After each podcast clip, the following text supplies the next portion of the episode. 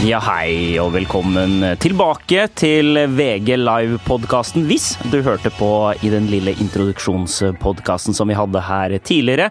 Om du ikke gjorde det, så ønsker vi velkommen til den første ordinære episoden av denne podkasten, som gjennom sommeren skal hjelpe deg litt med fotballabstinensene, fordi vi ønsker å snakke om silly season. Og solen den kommer litt inn over hovedstaden her. Du har fått på deg en sommer-T-skjorte, Ariles Berg Old Sada. Det er nydelig, og, og med sol og sommer så kommer overgangsspekulasjonene.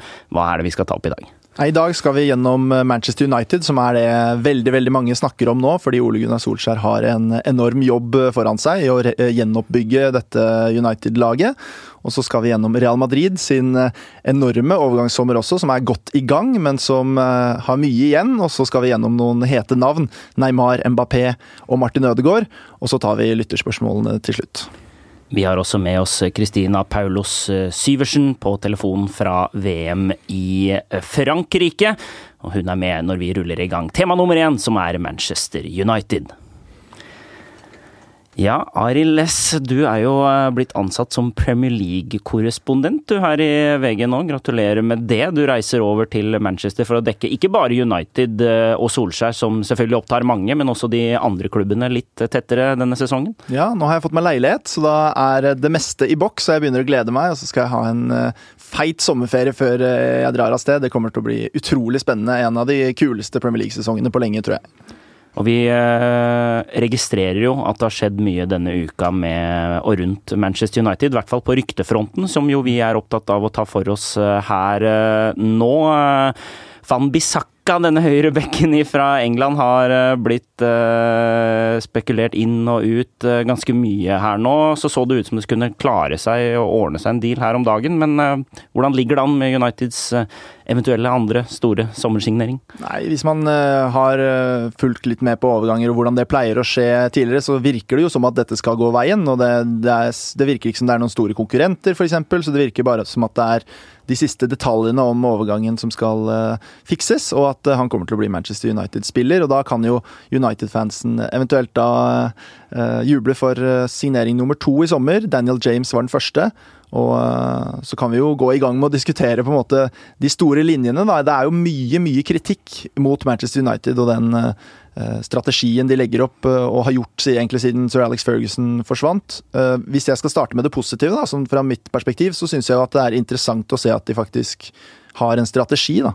Det virker som det er en rød tråd i det de driver med. De har henta to unge engelske spillere, og hvis du ser på spillerne som uh, kobles dit, James Madison fra Leicester eller Declan Rice fra Westham eller uh, andre, andre, spillere, Jaden Sancho også, så er det jo unge engelske spillere, og det virker som at Solskjær har uh, pekt ut en retning han ønsker at laget skal gå i. da.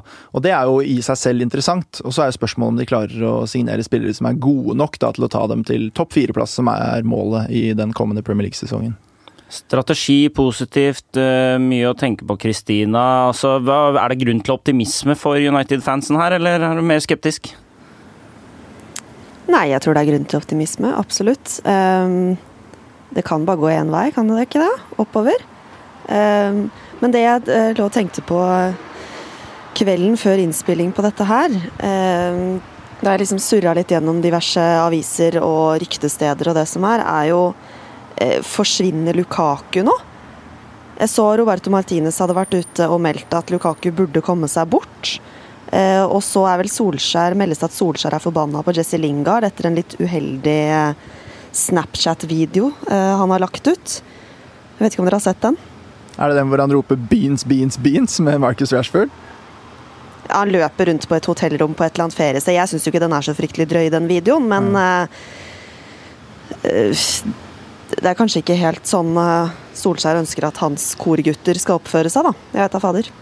Nei, og Jesse Lingard har jo ikke akkurat overbevist disse halvåret, så han burde kanskje holde seg mer til fotballen, men uh... ja, Vi hadde jo venta at det skulle være enda flere som kommer ut, men gjennom denne sesongen så er det jo stort sett bare sånn som også ble diskutert mye om denne uh, uka, at det, er, det, blir jo bare delt ut nye kontrakter i hui og hast her. Altså Først har jo Phil Jones, Chris Malling og Ashley Young fått nye kontrakter, og nå fikk også Juan Mata en ny kontrakt, mm. som egentlig skulle ikke bli tilbudt på en tidspunkt, eller ryktene gikk den veien. Og så var det snakk om en ettårskontrakt, og så får han en treårskontrakt. Det var det mange som syntes var rart. Ja, og Hvis vi skal se litt mer på det negative, da, så kan man jo stusse over at de sliter åpenbart med å kvitte seg med de spillerne som de faktisk har lyst til å kvitte seg med.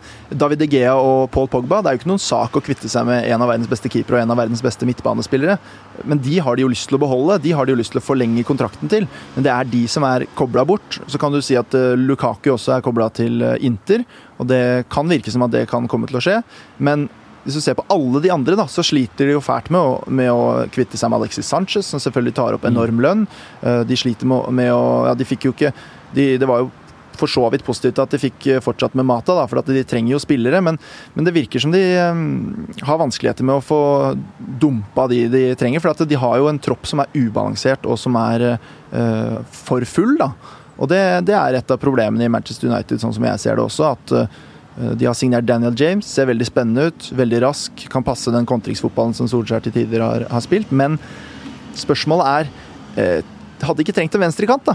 Nei, en høyrekant, unnskyld. Det er jo bare venstrekanter mm. i den troppen der. Det er Martial, du har Rashford som spiller på venstre, Sanchez spiller på venstre, Daniel James også en venstrekant. Mens på høyrekanten så har du Jesse Lingard, som egentlig ikke er noe høyrekant, men som er det måte, mest åpenbare alternativet der. Så jeg syns det virker som en litt sånn ubalansert tropp, da. også på midtbanen, hvor de har mista Andre Herrera og ikke ennå henta inn. Så jeg forventer i hvert fall at de ender med fire eller fem signeringer.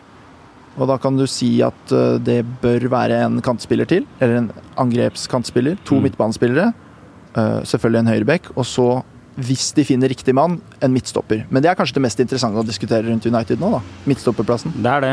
Um, samtidig som man selvfølgelig vi også må nevne her, for de som ikke hørte på sist, og for de som har fått dem rundt Paul Pogba, som jo ble sagt den uken hvor han var i Tokyo og ga et uh, intervju hvor han var liksom ganske sterke indikasjoner på at han egentlig var klar for noe nytt. Eh, og Kristina, eh, dersom eh, Manchester United skulle miste Paul Pogba, så vil det vel være en fordel at det skjer ganske så raskt, sånn at man har mulighet til å hente inn en da type ny offensiv midtbanespiller, eller en sånn nummer én på midtbana? Ja, uten tvil. Men det er som vi har diskutert tidligere òg, at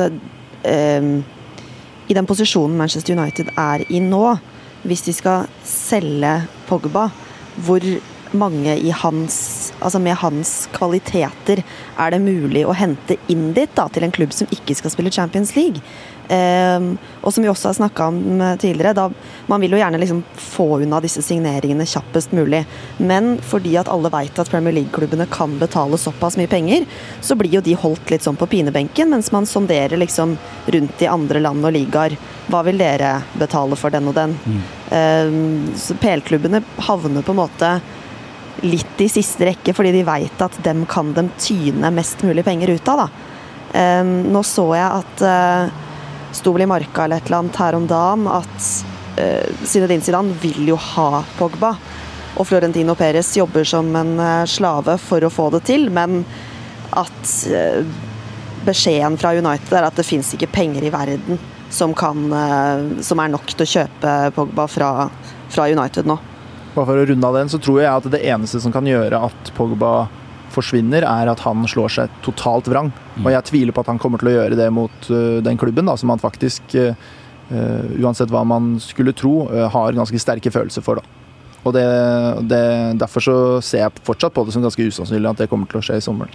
Vi kommer til å følge Paul Pogba med argusøyne utover sommeren, det er det ingen tvil om. Men du var jo inne her og teaset før jeg rota meg bort igjen i at vi må snakke om midtstopperplassen. fordi at eh, hvis man virkelig skulle ønske seg en, så er det vel kanskje Delict fra, fra, Ajax, men det ser jo eh, vanskelig ut å få tak i en signatur til en spiller som eh, virkelig kan velge hvor han vil gå i sommer. Ja, han virker veldig aktuell for PSG. Jeg tviler på at Delict er innenfor rekkevidde. Han vil neppe spille Europaliga-fotball den mm. sesongen som kommer. Så har du det andre premiumalternativet, som er Kolibali fra Napoli.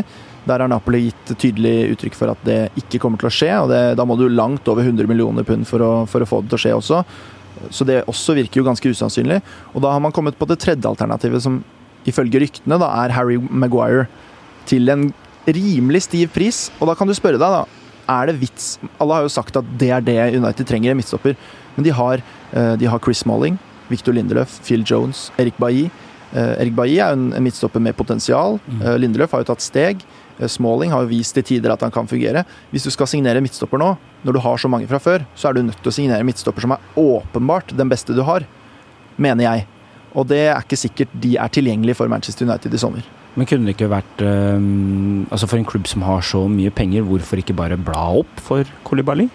Ja, Det er spørsmålet om, om det er mulig å få han til en pris som er noen Altså Du kan ikke betale 200 millioner pund for Kolibali. Nei, men på et eller annet tidspunkt må vel kanskje Napoli selge? Ja, ja det kan hende. Men spørsmålet er om han har lyst til å dra òg, da.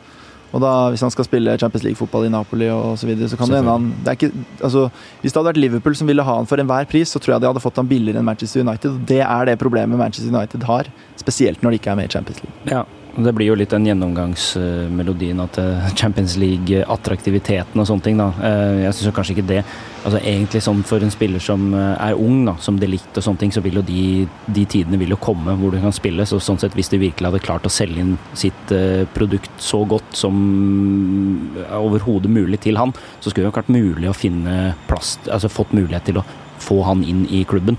Men det er klart, er Solskjær en mann eh, som klarer å selge inn det godt nok, eller Manchester United for den saks skyld? Det er ikke sikkert de er i den posisjonen akkurat her og nå.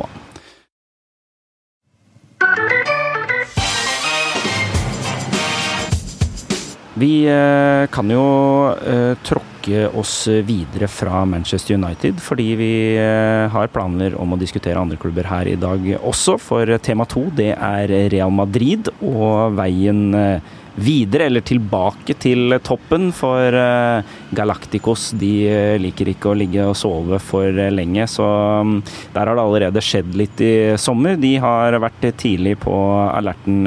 Kristina, hva virker det som om strategien deres er for å virkelig nå tilbake til toppen av fotballverden? Nei, det virker jo som at Zinedine Zidane er godt i gang med en skikkelig rydderunde, for å si det sånn. Nå har de vel henta inn én, to, tre, fire, fem stykker allerede. Um, i diverse Altså i posisjoner omtrent over hele banen. Uh, så oppryddinga er jo allerede begynt. Og så så jeg uh, torsdag så skrev José Felix Diaz i Marca, som er blant Marcas mer troverdige journalister på Real Madrid, at nå er det kjøpepause en periode. For nå må det selges. Eh, og det er jo ganske mange spillere eh, som er til overs i den klubben der nå. Eh, så James Rodriguez, som har vært to år på lån i Bayern Bayern ønska ikke å utnytte seg av den kjøpsklausulen de hadde i den lånekontrakten. Zidane har gitt beskjed om at han ikke er interessert i å ha han.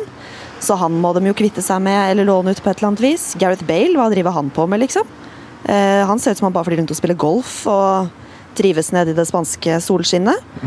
Keylor Navas er eh, rykta at ikke at Zidane ikke regner med, men det er ikke noen store bud som har kommet inn der heller, visstnok. Eh, og så det kan du jo bare fortsette å ramse opp, liksom. Eh, X antall spillere som, som, er til overs, da, for å si det sånn. Man kjenner jo litt igjen dette her fra den forrige gangen Real Madrid virkelig slo på stortromma en sommer. Det var jo 2009, da de henta Cristiano Ronaldo, Karim Benzema, Shabi Alonso, Kaka på samme sommer. Eh, og eh, dette er den sommeren siden den gang eh, hvor de har brukt mest penger. Og så er det denne baksiden da, som Kristina nevner, som gjør det superspennende også for andre klubber i Europa. Og ikke bare skummelt at de frykter å miste spillere til Real Madrid, nemlig det at det er så mange spennende spillere tilgjengelig. Da. Jeg husker jo den gangen så ble jo Wesley Snyder solgt til Inter, var det vel? Og du hadde Arin ja. Robben som dro til Bayern München. Du hadde Saviola som ble solgt. Huntelar ble solgt. Og det var jo mange av disse som slo veldig eh, til og vant Champions League, vel, i hvert fall, de, eh, i hvert fall Robben i Bayern. Og mm. mange som herja, da. Så det var jo eh, spillere som gagna mange klubber rundt omkring i Europa. Og jeg, jeg ser jo for meg at det har jo til og med vært snakk om at Marco Ascencio skal være en, måte, en spiller som kan bli solgt. og Det er jo en spiller som virkelig kan blomstre et annet sted.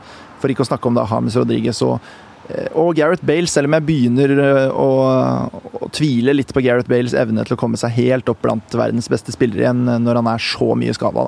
Folk som har vist at de er gode nok, altså Isco også for den saks skyld, som som er mm. spillere som definitivt er gode nok, som, som, kan få en annen rolle i en annen klubb, er jo eh, altså Sånn er det jo. Real Madrid er jo en gullsituasjon hvor de alltid kan sitte på en eh, over 20-mannstropp med spillere mm. som alle er gode nok til å spille eh, i så mange andre plasser. Så spennende å se hva slags nye vårer disse andre får, som nå da dessverre må pakke hatten og reise fra Madrid. Ja. Men det jeg også kjenner, som en som eh, har fulgt mye med på Real Madrid eh, opp gjennom oppveksten, det er den der litt sånn kriblende følelsen man får når Real Madrid kjøper en superstjerne. Mm. Og den har du ikke fått egentlig på ja, det er vel nå fem år da, siden James Rodriguez kom etter VM i, 2014. Og nå Eden Hazar presentert foran eh, Det var vel over 50 000 mennesker på Santiago Bernabeu. Og jeg leste i Marca at de mener at madridismoen er tilbake. da, Den var ikke død, for det har jo vært en kjip sesong for Real Madrid-fansen. Og de er jo litt som et hva skal man si, et teaterpublikum som eh, klapper når det skåres og buer når det ikke spilles fin fotball, og, og, som ikke er nøyd når resultatene ikke er bra nok eller underholdningen ikke er som det skal. og Cristiano Ronaldo mangla en sesong. Det var en plass som måtte fylles av en superstjerne, og der er jo Eden Hazar jeg må si, en av de spillerne det er deiligst å se spille fotball i hele verden. Jeg liker også måten Real Madrid presenterer spillere for, på. Det er ingen sånne eh, gjøglevideoer og sånne der communicado official. og ikke noe, ikke noe, video og føss som eh, liksom nå har vært eh, den moten da rundt omkring. Det, det er litt ålreit med en sånn gammel, fin metode. Ja, ja. Hvem eh, er aktuelle inn eh, nå da, Kristina? Hvem ryktes mest inn i hvit skjorte? Nei, nå så jeg jo eh, torsdag da, at eh, franske RMC, som Marles kjenner eh, godt til, eh, meldte at Real Madrid også eh, forhørte seg litt om eh, delikt. Eh, at de har oppretta kontakt for å høre om han mens han er på ferie, egentlig om han har tatt en avgjørelse, eller om det er åpent i budrunden fremdeles. samtidig så står det jo liksom at det å kjøpe en midtstopper er ikke, kjempe, er ikke, en kjempeprioritet for eh, Real Madrid akkurat nå, med at de har Ramos og Varan som førstevalgene sine. Eh, og de har kjøpt han Eder Militao fra Porto, og de har Nacho Fernandes som en sånn potet-backup. Så derfor er det liksom ingen prioritet. Men eh, er det noe Real Madrid er glad i, så er det jo å kjøpe kommende stjerner og gjerne vinne sånne prestisjebudrunder på fotballspillere. da. Så det blir spennende å se hva som skjer der. Eh, hva skjer med Christian Eriksen? Der var det jo voldsomt mange rykter før, eh, før Champions League-finalen i mai at han skulle jo omtrent presenteres eller at det skulle komme denne flotte Communicado offisial dagen etter Champions League-finalen. Men der òg har det blitt litt stille. Jeg vet ikke helt. Jeg kjenner jo ingen i Real Madrid, men jeg, jeg, vil faktisk tillate meg å avfeie det der deliktryktet for sånn en gang for alle. Altså for det, de har altså verdens beste stoppepar, vil jeg si. Ramos og og eh, Varan. Og så har de Eder Militao, som de har brukt vel over 50 millioner euro på å hente fra Porto da henter du ikke Matheis Delict, eh, for det første. Og hvis du er Matheis Delict, så drar du ikke til Real Madrid og, kjemper om en liksom, tredjeplass i hierarkiet der. Det mener jeg hadde vært et helt hårreisende valg, med mindre de har eh, en lønnspose som er helt eh, av en annen verden. Men det høres jo totalt usannsynlig ut, da. Men Christian Eriksen, det ser jeg jo for meg kan skje. da, At enten Christian Eriksen eller Paul Pogba, eller i mindre grad Tanguy Ndombele fra Lyon, som også har blitt kobla til Real Madrid. Eh, at en av de tre ender der, det føler jeg meg ganske sikker på, fordi eh, det rett og slett er en posisjon hvor de trenger å styrke seg, og det har de midlene til. Det har de vist hele sommeren. Og Christian Eriksen sa jo selv at det nå kanskje kunne være moden for nye utfordringer. Gjorde altså et lignende sitat som det Pogba kom med. Og en sindig danske som han, som bare har proklamert sin kjærlighet til Tottenham tidligere. Eh, han gjorde jo det for så vidt nå også, men eh, allikevel sa at eh, nå er det opp til klubben og det kan være muligheter. Det åpner jo ofte opp for større spekulasjoner, det. Og det kunne vært kult å sette Christian Eriksen der redde opp litt danskeinntrykket i Real Madrid etter Thomas Gravesen, som, som fløy rundt der. Thomas Gravesen er en legende i Real Madrid-historien. Han tror jeg ingen noen gang kommer til å glemme. For en bulldoser han var. Han var det. For en uh, legende. Og vi setter stopp ved Real Madrid foreløpig og drar oss videre til en spissduo i Paris, som jo også har vært linket mye til Spania for den saks skyld. Kylian Mbappé og eh, Neymar. Ingen eh, sommer uten at det rører seg rundt eh, dem. For å begynne med Mbappé, da. Ehm, litt Twitter-moro. Det har jo vært ryktet mye rundt, rundt Mbappé. At han skal, liksom, han skal ta straffer, han skal spille så og så mye. Og, altså, at det var så mye krav som ble listet opp på en sånn artikkel, hvor han da svarer på Twitter at du glemte én ting. Kylian Mbappé vil være keeper. ja, og så skrev han at det var fake news, fake news. og slo tilbake. Eh, PSG-president Nasser Al-Khelaifi har gjort et intervju denne uken her hvor han er beinhard mot PSG-spillerne og mener at mentaliteten ikke har vært god nok. og eh, stiller spørsmålstegn ved veldig mange av spillerne. Men han sier at det er eh, ikke 100% sikkert at Kylian Mbappé blir. Han tar en Paradise Hotel og sier at det er 200% sikkert at Kylian Mbappé blir værende i klubben. Men det som er interessant der, da, det er jo at eh, Neymar derimot, når han får spørsmål om Neymar, så er han helt annen tone. Der sier han at eh, han ikke ønsker stjernenykker lenger i klubben. Han vil ikke at stjerner skal at Han vil ikke ha stjerner lenger i, i ordets på en måte negative forstand. Da. Og sier at det var ingen som tvang Neymar til å signere i PSG. Han kjente til prosjektet og sånne ting. Og han sier ikke nei da, når han blir spurt om det er mulig at Neymar blir solgt i sommer. Så det som virket som en umulighet for veldig kort tid siden at uh, verdens dyreste fotballspiller skal flytte på seg allerede etter to år, til tross for at han har vært mye skada og sånn.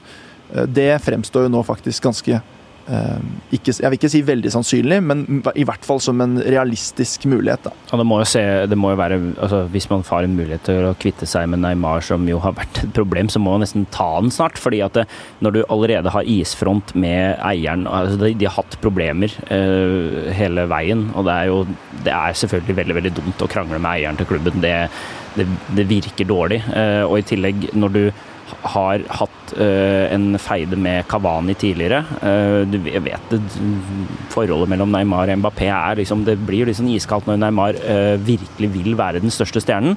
Og da får du det, disse stjernenykkene som du er inne på. Altså, gutten har fått henge på vegger på Nike, i Nike-klær i, i, byer nå rundt omkring i Europa. Altså, han var den store stjernen i Barcelona, kommer til Paris og får være en stor stjerne i en europeisk toppklubb.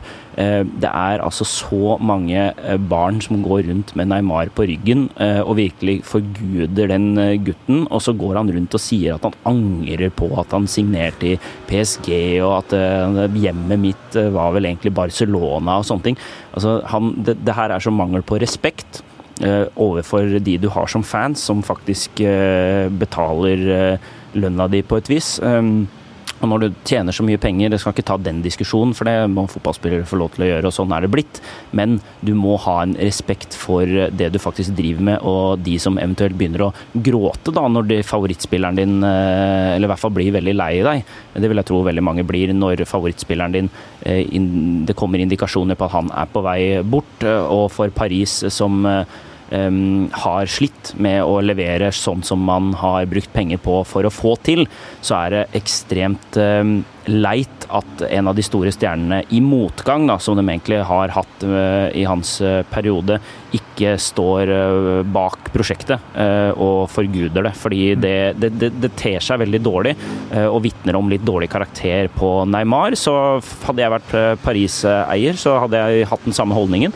Um, det er muligheter for at han kan forsvinne. Får vi rett bud, finner vi rett kjøper, så kan vi bruke penga et annet sted. Jeg, jeg, mener du kan aldri klandre noen for å være skada, med mindre Så lenge de er eh, eksemplariske i oppførselen sin eh, og er profesjonelle og fremstår profesjonelle. Problemet til Neymar nå det er at han har vært eh, to sesonger To ganger har de kommet til eh, utslagsrunder i Champions League, og begge gangene så har han ikke vært der fordi han har skada seg. Og Det er greit nok, det er noe uflaks osv., men når du ser han fly rundt på fester eh, når han med en gang han er fri, og at han feirer bursdagen sin i storeslåtte mm. omgivelser bare et par dager før en kamp, og at han eh, hele tiden på en måte er såpass Er så flashy. Ja, er så flashy og markerer seg så mye utenomsportslig. og, og ser, Han ser jo ikke totalt gjennomtrent Han er ikke noen Cristiano Ronaldo heller. Ikke sant? Han er en brasilianer og, og glad i livet osv., men da, da kan du rett og slett ikke bare avskrive det som uflaks, disse skadene som, som hele tiden kommer. Og det har vært en liten fiasko for PSG, den overgangen her, når du ser på hvor mye de betalte for Neymar.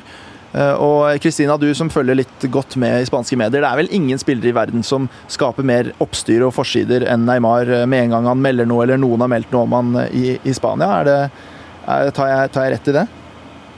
Ja, jeg er helt enig med deg. Og det er jo som dere sier, altså fyren slår meg ikke akkurat som eh, rakettforsker, da. Han virker jo ikke akkurat spesielt intelligent.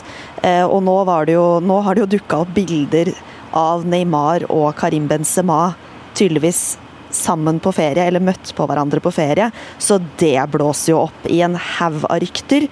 Eh, leste også at liksom Barcelona-spillerne er interessert i at Neymar skal komme tilbake til Barcelona, men styret og ledelsen i klubben er eh, ikke interessert i det hele tatt. For de er tydeligvis ikke begeistra for denne unggutten, unge mannen, som eh, person. da, At han er vanskelig å ha med å gjøre, tydeligvis. Mm.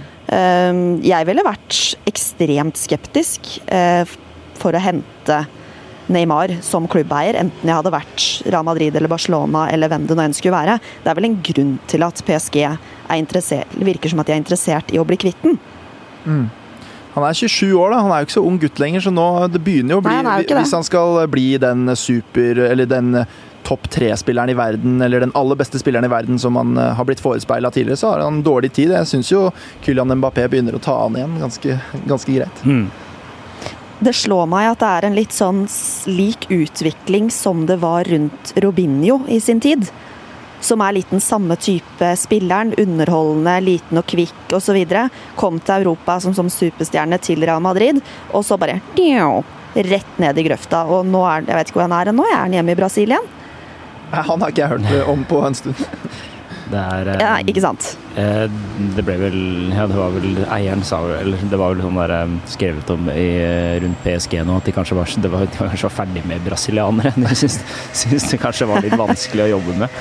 Så jeg vet ikke om det er noe hold i det, men eh, De har henta brasiliansk sportsdirektør i Leonardo nå, da, som var Ja. mannen som henta Zlatan og bygde opp klubben fra start av. Så det blir jo spennende i PSG. Og jeg tror han kommer til å være mer nådeløs enn de tidligere har vært, så vi får se hva som skjer med Neymar. det gjør det. Og vi følger med utover sommeren, naturligvis på denne flashy vingen.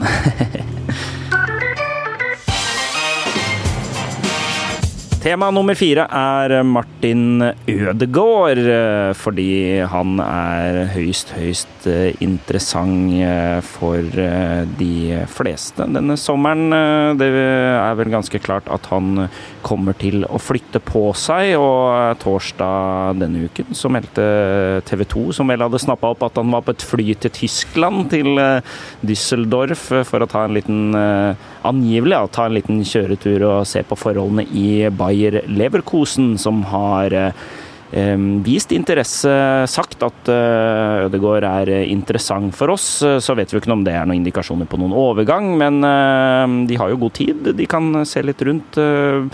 Kanskje det blir Ajax, kanskje det blir Leverkosen, kanskje det blir noe annet. Vi vet at italienske Atalanta og AC Milan også er interesserte i nordmanns signatur, men det skjer ting rundt vår superstjerne, kan vi jo kalle han, Kristina.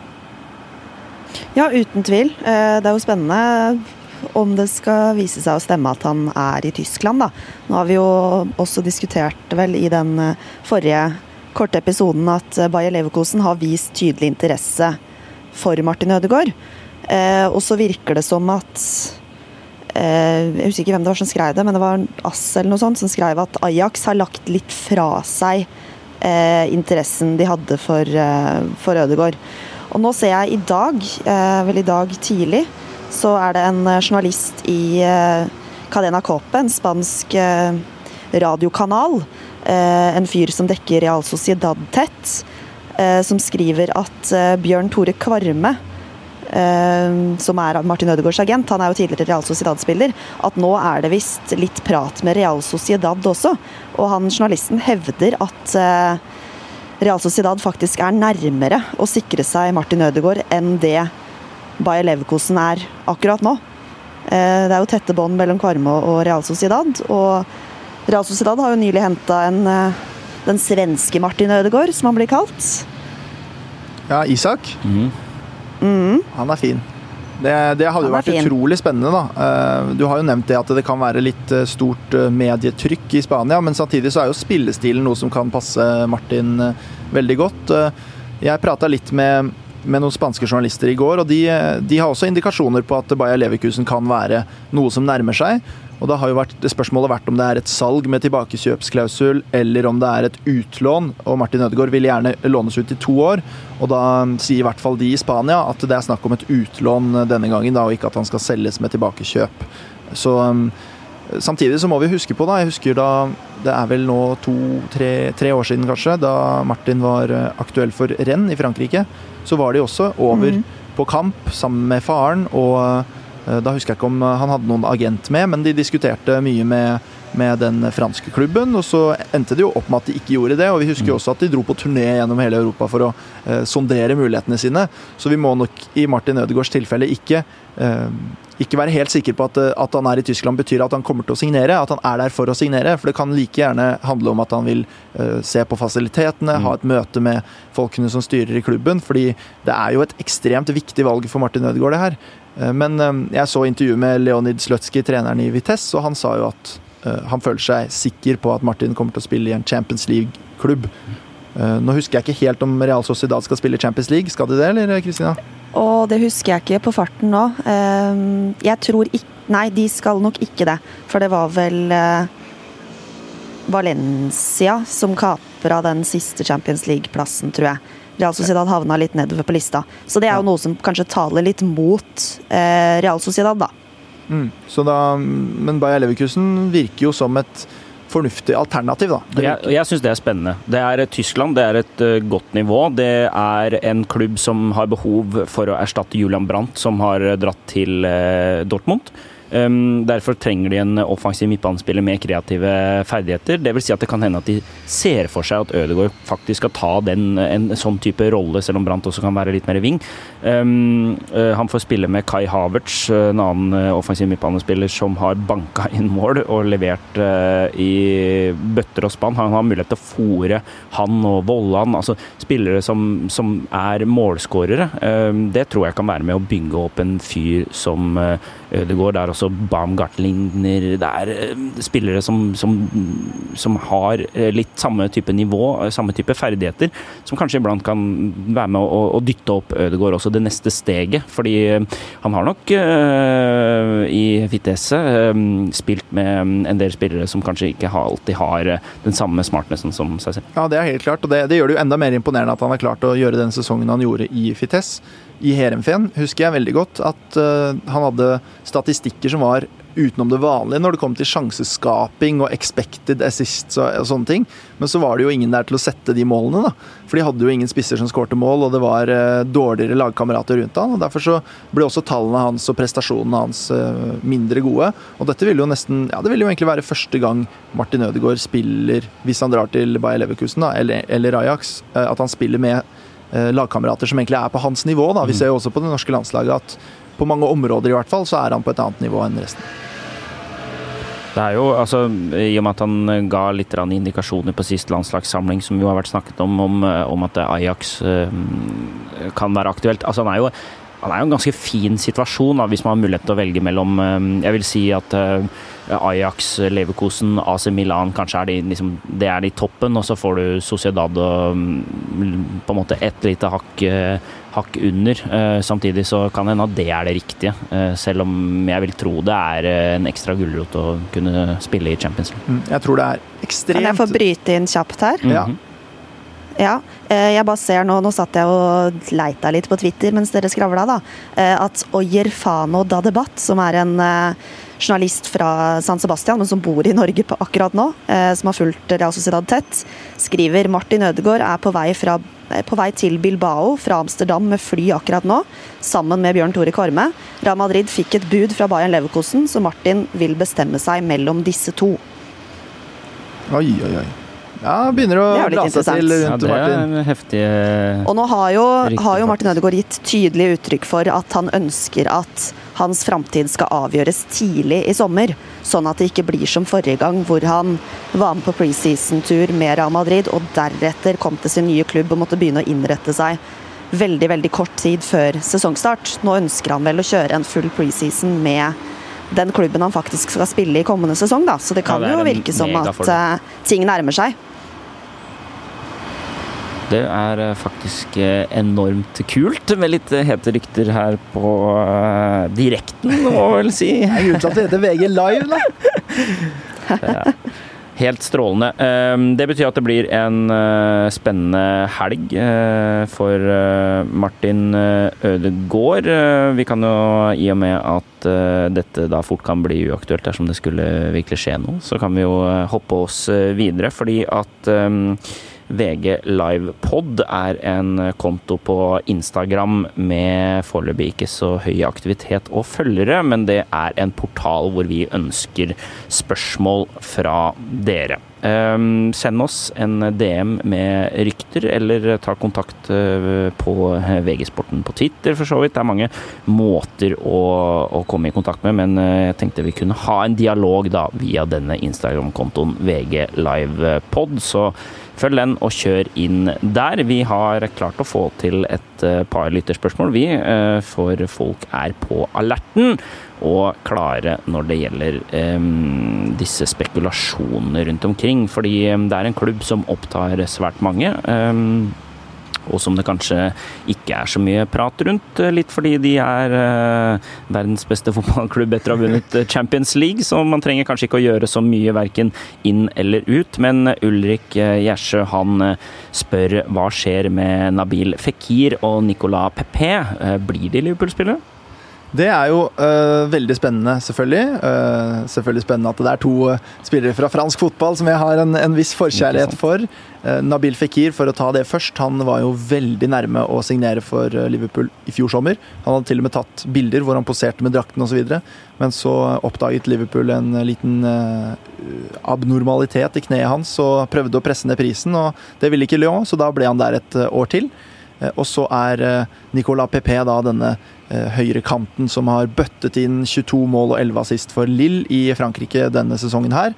Så to offensive spillere som kan eh, bekle et par forskjellige posisjoner der. Jeg tviler på at de henter begge.